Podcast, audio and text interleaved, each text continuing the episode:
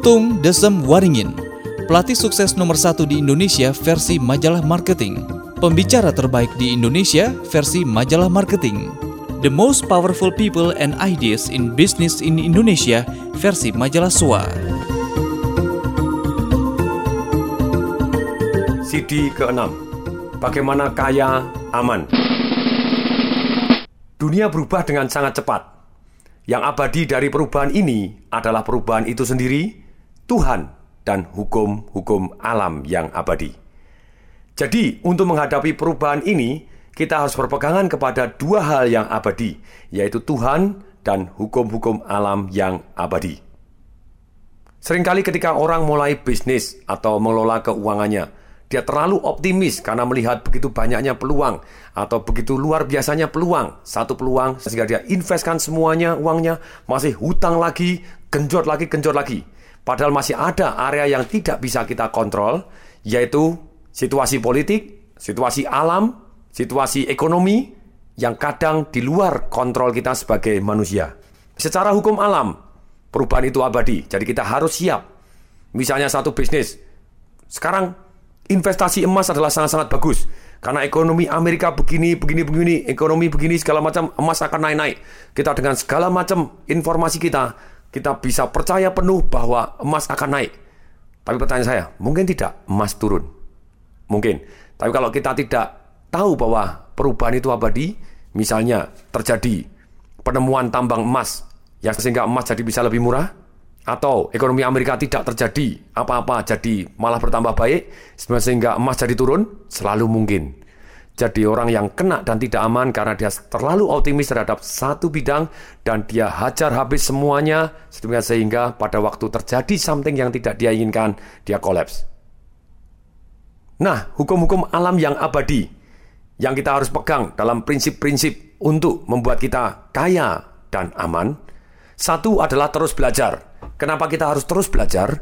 Karena selalu berubah. Kalau kita tidak mengikuti zaman, mendadak bisnis kita bisa hilang di telan zaman. Yang kedua, kita melakukan yang namanya aset alokasi.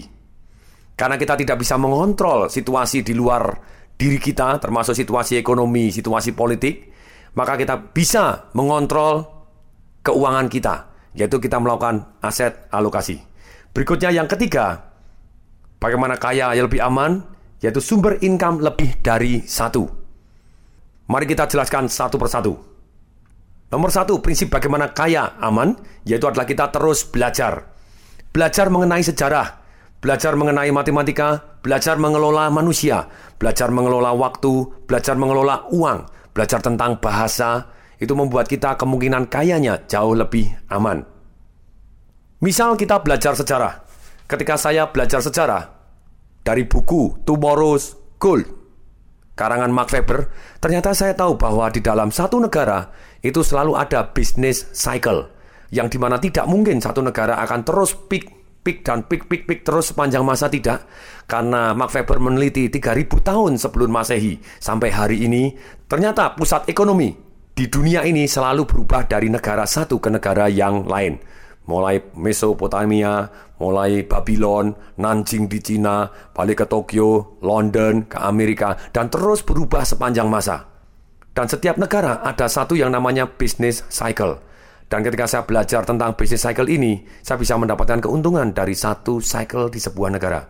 Karena yang abadi di dunia ini adalah satu hukum alam yang namanya perubahan, yaitu selalu ada naik dan turun. Kenapa tidak kita mempelajari sejarah naik dan turun sehingga kita bisa pindah tren ketika di satu tempat ketika agak turun kita bisa pindah ke sedang yang naik. Bahkan dikatakan oleh Robert Kiyosaki, ketika orang sampai umur 70 tahun, secara sejarah dipastikan dia akan mengalami dua resesi dan satu depresi. Ekonomi selalu bergelombang, naik dan turun. Bagaimana kita bisa memanfaatkan tren ini? Misalnya Mark Weber di bukunya Tomorrow's Gold menyatakan kalau Anda mau investasi di properti di sebuah negara, please perhatikan business cycle. Ada business cycle level 0, yaitu apa? Ketika terjadi banyak huru hara sehingga banyak penarikan modal keluar dan ini ciri-cirinya banyak sekali, tapi salah satu yang menarik itu adalah tingkat hunian hotel. Ketika tingkat hunian hotel di bawah 30%, menurut Mark Webber itu adalah saat yang paling tepat untuk go in. Bahkan Mark Webber ini cukup gila karena dia umurnya 170 lebih. Dia berani investasi di Myanmar, berani investasi di Korea Utara. Yang pada waktu uangnya dia masuk tidak bisa dicabut, dia pun tetap berani. Karena dia percaya bahwa dengan adanya globalisasi ini, mereka mau tidak mau mereka akan membuka diri seperti Cina, seperti Uni Soviet yang sangat kuat pun mereka akan membuka diri terhadap dunia luar sehingga dia akan menerima keuntungan yang luar biasa karena negara ini memungkinkan orang asing boleh invest terlebih dahulu dan Mark Webber sudah masuk terlebih dahulu sebelumnya. Kalau saya pribadi dengan waktu yang sekarang ini saya menghindari investasi di sebuah negara yang tingkat hunian hotelnya masih 30%. Tapi saya menginjak bisnis cycle yang kedua, yaitu ketika tingkat hunian hotelnya mendekati 70%, saya dengan senang hati masuk properti di sana. Seperti di Singapura ketika hunian hotel mulai naik, naik, naik, naik, naik, naik sampai 50, 60, 70 persen. Ketika Bali, ketika pada waktu kondisi bumi gonjang ganjing, tapi kemudian mulai pulih, hunian hotel 50, 60, 70 persen. Saya mulai masuk bisa beli properti di sana, begitu ya. Dan ketika beli properti ternyata betul juga, menurut perhitungan Mark Webber, dengan segala macam ukurannya dia, termasuk salah satu yang menarik adalah ukuran hunian hotel, belajar dari sejarah, ternyata betul, harga propertinya naik meledak luar biasa. Itu cycle yang kedua, cycle yang pertama adalah 30%, cycle kedua 70%, cycle yang ketiga, ketika hunian hotel 100%, karena menurut Mark Webber itu adalah saat-saat orang overconfidence. Mereka akan bangun dengan luar biasa banyak investasi luar biasa banyak. Alangkah baiknya menurut Mark Webber keluar dari investasi properti di negara tersebut. Karena dalam kondisi berbahaya, dia bilang begitu. Nah itu level ketiga. Nah kalau bagi saya pribadi masih bolehlah ditahan sedikit. Keluarlah pada waktu level keempat. Yaitu apa? Level keempat ini ketika hunian hotel 100%, investasi masuk luar biasa. Level keempat ketika mulai bangun airport baru. Setelah bangun airport baru, ini negara dalam kondisi deg-degan, katanya Mark Webber, itu secara sejarah. Dia pelajarin kalau bangun airport baru, berarti dalam beberapa tahun kemudian, dalam kondisi berbahaya karena overconfident yang investasinya di sana. Nah sama ketika saya investasi di Singapura, ketika mereka bangun airport yang ketiga, saya mulai listing properti saya untuk Kuwait, begitu ya. Mungkin masih akan naik lagi, tapi ya itulah pertimbangannya dengan untung yang sudah cukup banyak, kenapa tidak kita keluar. Misalnya belajar sejarah, belajar satu yang namanya tren di saham. Saya belajar dari David Novak, ketika orang belajar saham, alangkah baiknya Anda Belajar dulu ilmunya. Kalau Anda hanya investasi sembarangan, tidak belajar ilmunya, Anda dalam kondisi bahaya. Rata-rata orang investasi saham, mereka tidak tahu kapan keluarnya. Ketika sahamnya naik, dia ngomong bagaimana? Wah, naik ini bagus, lebih baik saya ikut daripada ketinggalan. Begitu dia masuk, plek. Begitu naik sungguhan, dia langsung happy. Dia tidak tahu kapan keluarnya. Dia ngomong, wah ini akan tembus sampai ke bulan, dahsyat luar biasa, yeay. Ternyata naik lagi. Wah, betul kan? Kemudian begitu turun, dia juga tidak keluar karena dia tidak punya prinsip, dia tidak punya ilmu, tidak mempunyai hal-hal yang diyakini dia, sinyal-sinyal untuk keluar. Apa yang jadi? Dia tenang-tenang aja. Tenang, ini kan profit taking, nanti pasti akan naik lagi. Begitu naik lagi, si betul kan? Seperti yang saya pikirkan, naik lagi. Ternyata turun anjlok, bus, turun jauh lebih murah dibanding harga beli di awal. Dia ngomong gimana? Tenang, tenang. Sekarang kan lebih murah. Mari kita average down, average down, dibuat jadi rata-rata. Maksudnya apa average down? Misalnya harganya 1000, sekarang jadi 800. Harga awalnya 1000, beli jadi 800.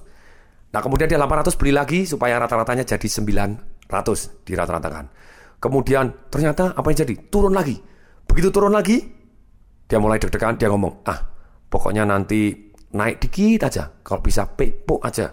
Maksudnya pepo itu break even point di harga 900 misalnya. Saya akan jual. Ternyata tidak. Begitu anjlok lagi, apa yang jadi?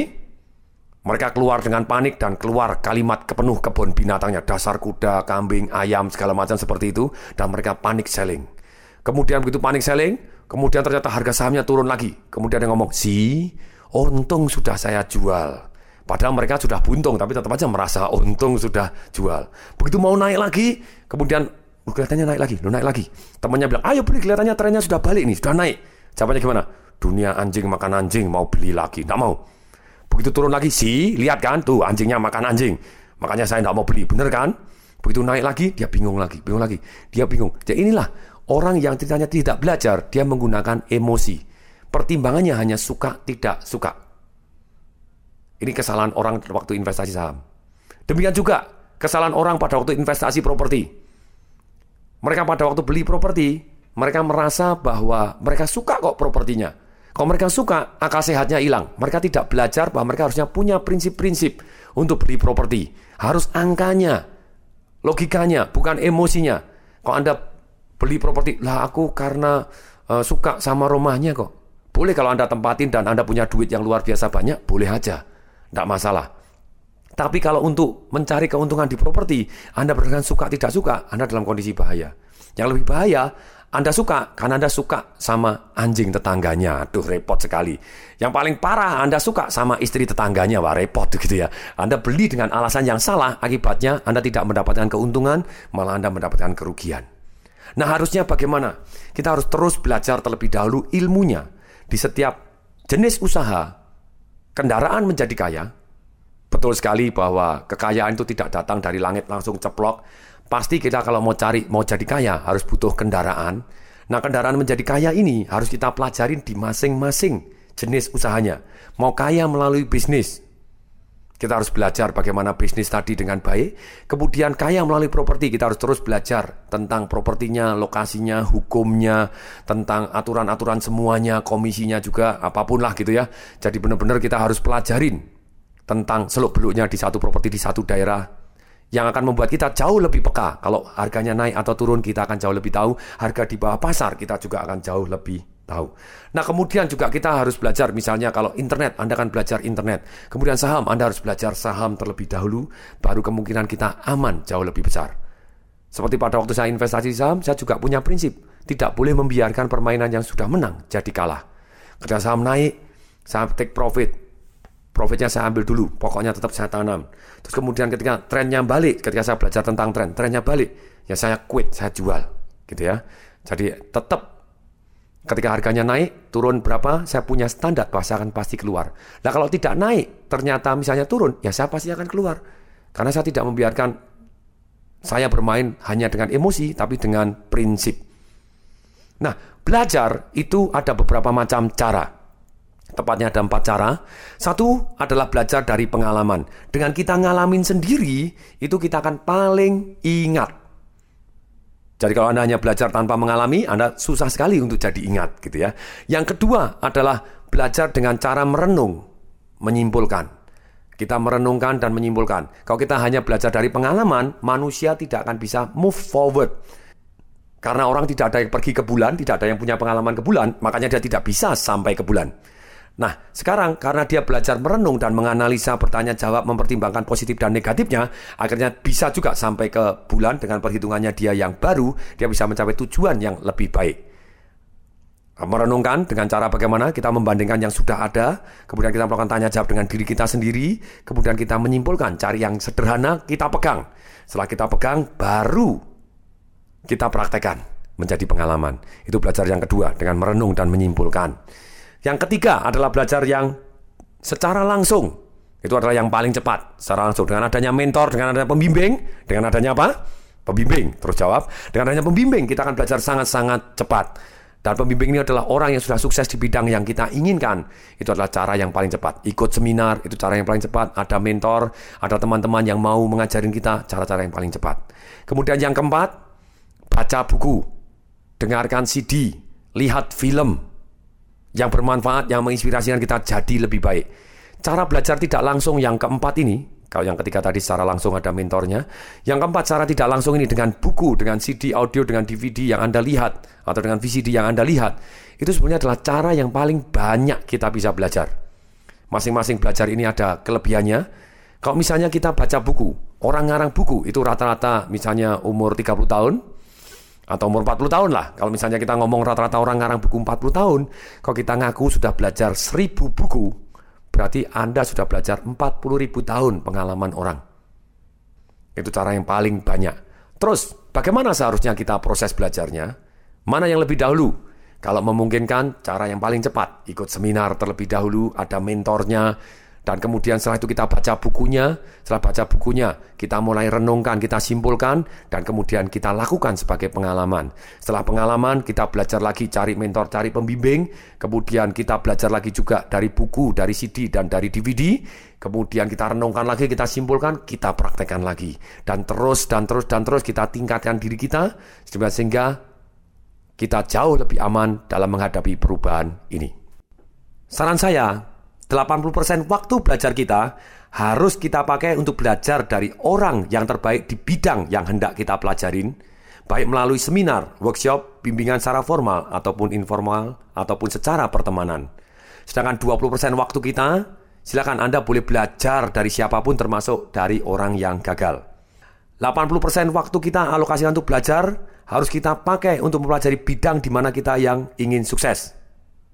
Bayangkan bila kita belajar setiap hari dua jam mengenai sebuah bidang, dalam waktu dua tahun kita akan menjadi master di bidang tersebut. Dalam lima tahun kita akan menjadi ahli setingkat doktor di bidang tersebut. Dan 20% yang kita alokasikan untuk belajar tadi juga kita bisa gunakan untuk mempelajari bidang apa pun, termasuk bidang yang tidak kita sukai untuk membuka pikiran kita. Hati-hati terhadap apa yang kita pelajarin karena kita akan menjadi. Hati-hati Anda belajar bahasa Inggris. Saya tidak melarang orang belajar bahasa Inggris. Tapi kalau Anda hanya belajar bahasa Inggris saja, bisa jadi Anda menjadi guru bahasa Inggris. Saya tidak melarang Anda menjadi guru bahasa Inggris. Tapi kalau Anda belajar bahasa Inggris dan menjadi guru bahasa Inggris dan Anda meluangkan waktu untuk belajar jadi kaya, Anda bisa menjadi guru bahasa Inggris yang kaya. Hati-hati apa yang Anda pelajarin, Anda akan menjadi. Kalau Anda belajar jadi tukang salon, misalnya potong rambut, hati-hati Anda jadi tukang potong rambut. Apakah saya melarang? Tidak, Anda boleh karena banyak orang yang belajar potong rambut dan jadi kaya. Tapi dia juga belajar bagaimana jadi kaya, bagaimana mengembangkan faktor kalinya. Misalnya Rudi Hadiswarno, Peter Sairang, dan segala macam semua para pemotong rambut yang mempunyai faktor kali demikian banyaknya. Setelah nilai tambah dia kalikan, maka dia juga bisa jadi kaya. Hati-hati misalnya Anda belajar masak, Anda bisa jadi jadi koki. Boleh nggak? Boleh saja. Tapi please Anda belajar jadi koki dan belajar jadi orang kaya. Terus luangkan waktu untuk belajar jadi kaya, sehingga Anda bisa jauh lebih kaya dibanding hanya tukang masak saja. Kalau Anda mulai ngomong bahwa, Pak, saya terlalu sibuk untuk belajar. Hati-hati, karena orang yang paling sibuk sebetulnya bisa jadi dia adalah orang yang paling malas. Kenapa? Karena kalau orang sibuk sering kali dia tidak memikirkan lagi cara yang lebih produktif untuk melakukan peningkatan terhadap income-nya dia. Saya pribadi melakukan waktu untuk berhenti, untuk merenung lagi, belajar lagi, mengasah gergaji. Walaupun kadang kalau pada waktu saya ikut seminar lagi, baca buku lagi, atau mengambil waktu untuk merenung, mengambil waktu untuk berteman dengan orang-orang yang jauh lebih sukses dibanding saya, saya ada opportunity loss ketika saya harusnya ngajar, dapat uang, tapi saya harus ikut seminar lagi. Tapi baiklah karena saya harus berhenti mengasah gergaji saya seperti yang dikatakan oleh Stephen R. Covey sehingga saya bisa nebang hutan lebih produktif lagi. Kata-kata tadi, orang yang paling sibuk di dunia adalah sering kali bisa dikatakan adalah orang yang paling malas karena dia tidak meluangkan waktu untuk belajar. Contohnya begini, ketika Anda sibuk bekerja, sibuk bekerja, sibuk bekerja, sibuk bekerja, Anda kehilangan peluang karena sebetulnya Anda bisa mendapatkan keuntungan di luar sana yang jauh lebih besar. Entah di bisnis yang lain, atau entah di properti, atau entah di saham, entah di internet, saran saya luangkan waktu untuk belajar empat ini, belajar mengelola keuangan Anda, belajar mengelola emosi, belajar apa pun sehingga sehingga Anda mempunyai wawasan yang lebih luas dan Anda bisa lebih peka terhadap perubahan dan Anda bisa mengikuti perubahan dan ekonomi Anda jauh lebih aman. Setiap orang memiliki gaya belajar sendiri yang paling efektif. Jadi silakan pakai jurus Anda, kalau Anda ingin mendengarkan, ada orang yang tipe pendengaran, ada yang tipe penglihatan, Anda harus baca, ada yang tipe harus melakukannya, Anda harus lakukan gitu ya. Kombinasikan tipe Anda belajar yang paling efektif, dan teruslah belajar, karena kita sudah mendengar berkali-kali bahwa pikiran itu ibarat parasut. Dia akan berguna bagi kita kalau terbuka. Buka pikiran Anda dengan mendengarkan pengalaman orang yang sukses, yang bisa Anda peroleh dengan cara ikut seminar, mendengarkan rekamannya, membaca buku-bukunya, dan bergaul dengan mereka. Dan apabila kita ingin belajar, please belajarlah sampai menjadi ahli terhadap sesuatu bidang, yaitu caranya bagaimana? Rahasia belajar bagaimana kita bisa menjadi ahli, master, atau bahkan doktor di dalam satu bidang, yaitu ada tiga hal. Satu adalah kita lebih baik belajar dari yang terbaik. Kalau kita mau belajar golf, enak mana? Kita belajar dari Tiger Wood atau dari Caddy Golf?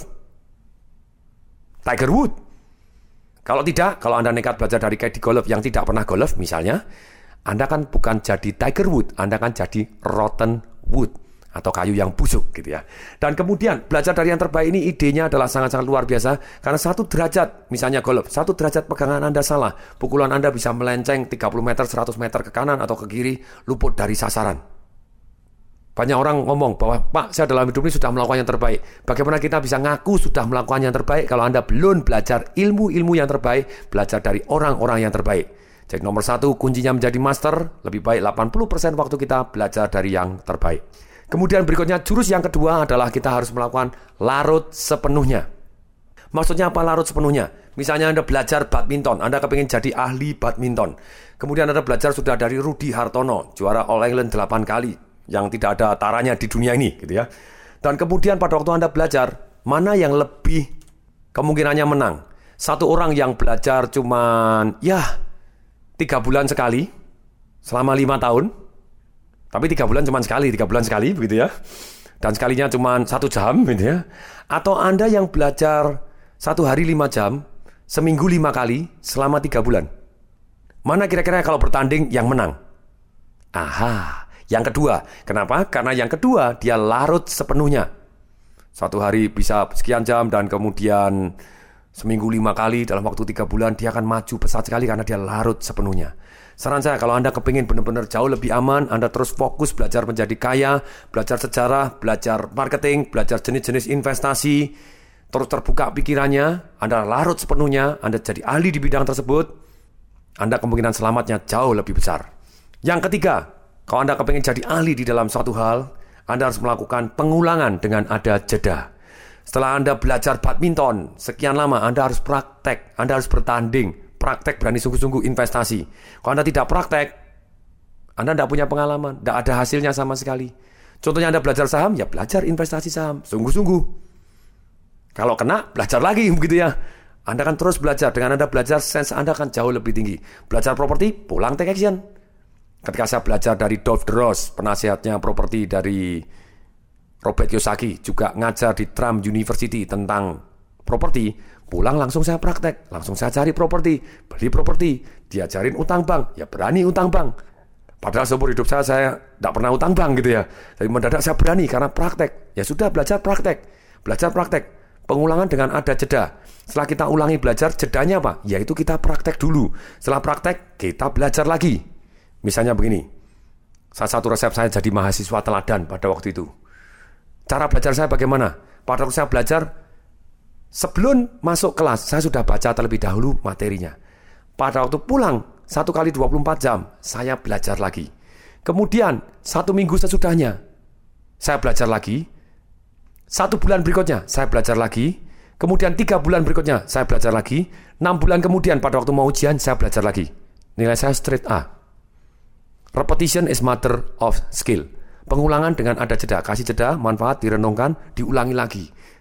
Kasih jeda, renungkan, ada manfaat, ulangi lagi. Belajar gitar juga begitu. Saya tidak bisa gitar, saya pernah belajar gitar hanya cuma satu lagu gitu ya, Seal with the Case itu. Tapi apa yang menarik? Sudah sekian lama, sekian tahun saya tidak pernah pegang-pegang plek, kuncinya juga tidak tahu, apa juga enggak, tetap bisa. Karena ada pengulangan dengan ada jeda.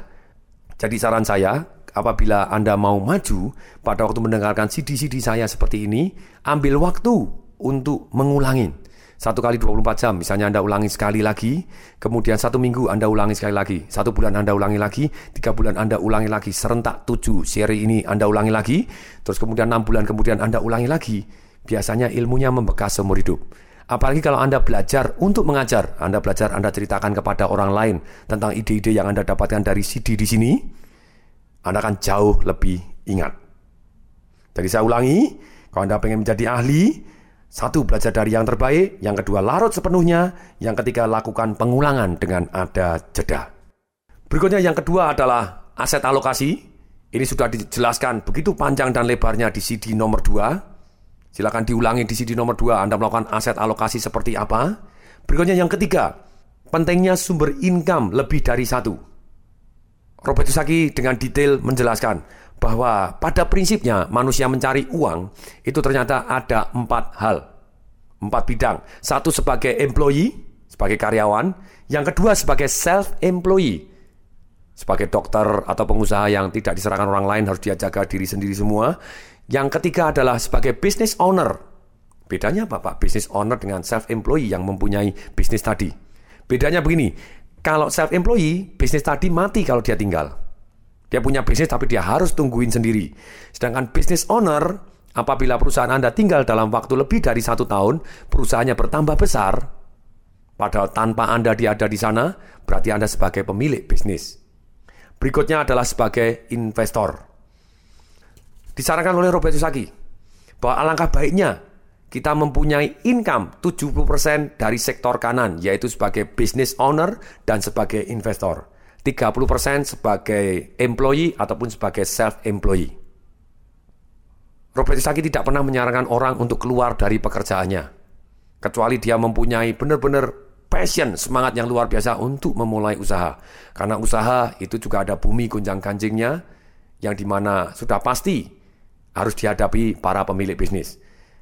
Yang disarankan oleh Robert Kiyosaki yaitu adalah alangkah baiknya kita minimal punya income lebih dari dua kuadran. Itu di cash flow kuadran dijelaskan oleh Robert Sagi. Misalnya kita sebagai employee, kita juga punya bisnis yang jalan dengan atau tanpa kita.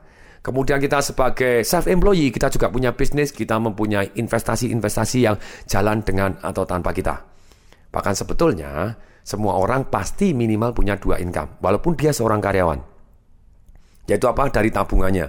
Cuman tabungan ini bunganya sungguh sangat menyedihkan karena jauh lebih kecil dibanding apa yang bisa kita dapatkan. Misal kalau Anda nabung 5 juta, terus kemudian ternyata syarat minimalnya adalah 5 juta, berarti di bawah 5 juta Anda tidak dapat bunga, lah bahaya. Kalau Anda 5 juta Anda cuma dapat bunga 3%, kemudian pada waktu ngambil Anda harus kena parkir, kemudian kena jalan tol, kemudian Anda haus antri, Anda harus beli minuman, belum dipotong pajak, Anda habis ya.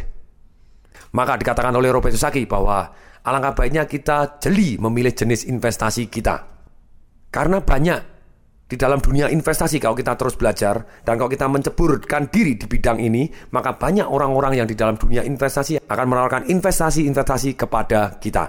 Dan kita akan pilih mana tingkat keamanannya dan sesuai dengan risiko kita, seperti di nomor 2 yang kita jelaskan panjang lebar tentang aset alokasi. Tapi please, Bedakan antara yang tumbuh dengan yang aman.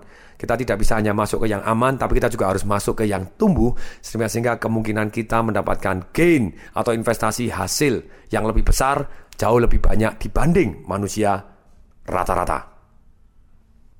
Kesalahan orang membuat multiple stream of income, satu, karena dia tidak mempunyai primary source of income. Dia tidak mempunyai sapi perahnya yang pertama. Sehingga ketika dia buka banyak banyak banyak banyak banyak, apa yang jadi? Kalau tidak berhasil, dia kehilangan semuanya. Yang kesalahan yang kedua, dia buka multiple stream of income, usaha-usaha lagi yang lebih banyak. Dia tidak melakukan satu yang namanya pemisahan bisnis satu dengan yang lain. Ketika bisnis yang satu rontok, primary source of income-nya juga ikut rontok. Ini yang dalam kondisi berbahaya. Misalnya orang sukses sekali dalam pengusaha tekstil. Kemudian waktu dia sukses jadi pengusaha tekstil, dia ikut properti. Pada waktu ikut properti, dia utang begitu banyaknya sampai pabrik tekstilnya dijaminkan, sapi perahnya dijaminkan juga. Ketika propertinya dia rontok, tekstilnya juga amblas. Ini kelemahannya orang. Jadi saran saya pada waktu Anda mempunyai sumber income lebih dari satu, satu, Anda pastikan Anda mempunyai primary source of income terlebih dahulu, sumber income pertama yang menjadi sapi perah Anda.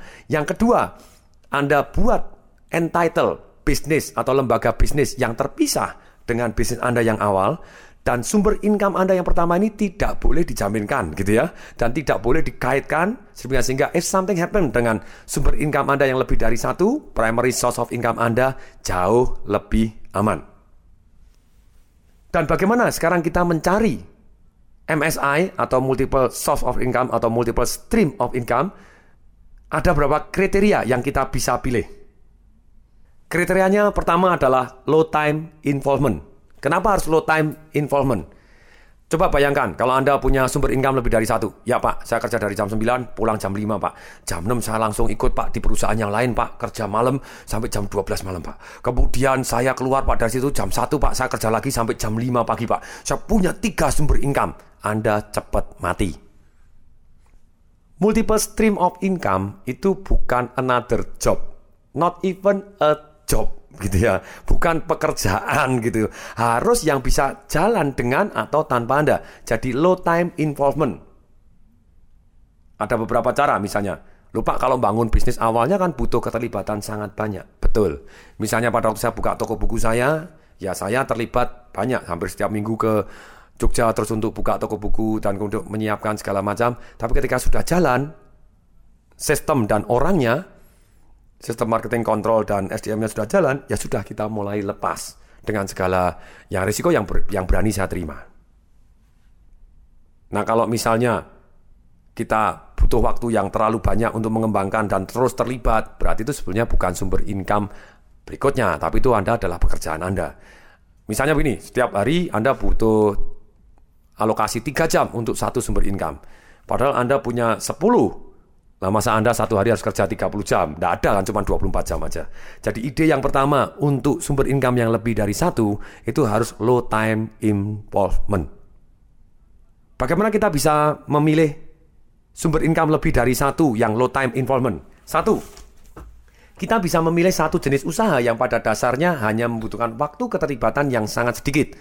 Misalnya menanam kebun jati, beternak sarang burung walet, membeli franchise, investasi reksadana, mengarang buku, rekaman kaset, main film, yang mungkin pada waktu awalnya butuh waktu dan keterlibatan, setelah itu uang akan mengalir dengan sendirinya dari hasil atau royaltinya. Yang kedua, kita bisa membangun usaha yang pada dasarnya membutuhkan waktu keterlibatan yang sangat banyak, kemudian kita bentuk sistem atau urut-urutan kerjanya, baik sistem marketingnya, kontrolnya, dan SDM-nya, reward punishment serta pembinaannya. Dan kemudian, selain kita bentuk sistem, kita juga pilih orang-orang yang mempunyai passion, integrity, and skill yang memadai di masing-masing posisi, sedemikian sehingga usaha tadi bisa berjalan dengan atau tanpa kita pada akhirnya. Kemudian, setelah syarat pertama, low time involvement. Yang kedua adalah, semaksimal mungkin adalah low capital atau tanpa modal sama sekali, seperti yang di CD sebelumnya yang sudah saya ajarkan. Maksudnya, modal yang dibutuhkan adalah relatif kecil, sedemikian sehingga karena ini bukan PSI atau Primary Source of Income, bila modalnya besar, apalagi kalau untuk membuat multiple stream of income tadi kita harus berutang banyak, maka risikonya bertambah besar. Untuk idealnya, sebuah MSI tidak boleh membutuhkan capital yang besar. Besar adalah relatif dibandingkan dengan total kekayaan kita. Berikutnya kriterianya adalah memenuhi low personal funding. Selain modal yang diperlukan harus relatif kecil, dana pribadi yang dilibatkan juga harus kecil. Bedanya modal dengan personal funding adalah bahwa modal itu adalah biaya yang dibutuhkan untuk mendirikan sebuah perusahaan. Sedangkan personal funding adalah dana pribadi yang disetorkan.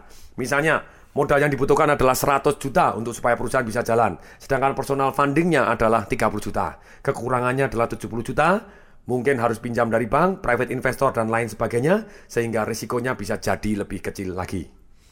Berikutnya yang keempat, alangkah baiknya multiple stream atau multiple source of income kita ini memenuhi kriteria low labor. Jadi maksudnya apa? Tidak mempunyai karyawan yang banyak. Semaksimal mungkin overhead cost-nya jadi kecil, karena overhead cost yang besar bisa membuat cash flow kita jadi negatif kalau kita tidak siap cash flow-nya. Dan selanjutnya, MSI yang ideal adalah yang memenuhi kriteria high thinking. High labor, susah, lebih baik low labor. Dan untuk low labor, kita alangkah baiknya menggunakan high thinking atau pemikiran-pemikiran yang membuat nilai tambah yang luar biasa. Yang berikutnya, MSI yang ideal harus memenuhi kriteria high return. Sudah pasti dalam setiap bisnis kita menghendaki return atau hasil investasi yang besar. Pada prinsipnya, mestinya setiap investasi untuk MSI kita mempunyai penghasilan lebih besar daripada bunga bank dan inflasi. Yang ideal lagi, MSI kita adalah memenuhi kriteria high service, Secara ideal sektor jasa atau produk yang diberi jasa yang lebih banyak akan lebih menghasilkan uang daripada barang komoditas. MSI alangkah indahnya juga kalau bisa memenuhi kriteria high personal enjoyment. Jadi pada waktu kita punya, kita senang. Misalnya seperti memelihara binatang. Bila kita tidak suka kucing atau benci bahkan alergi kepadanya, pasti kucing tersebut akan sengsara dan tidak terpelihara bahkan mati kalau kita nekat memelihara kucing yang kita tidak sukai tadi. Kendati demikian, boleh tidak saya melakukan suatu MSI, sumber income yang lebih dari satu di bisnis yang tidak saya sukai?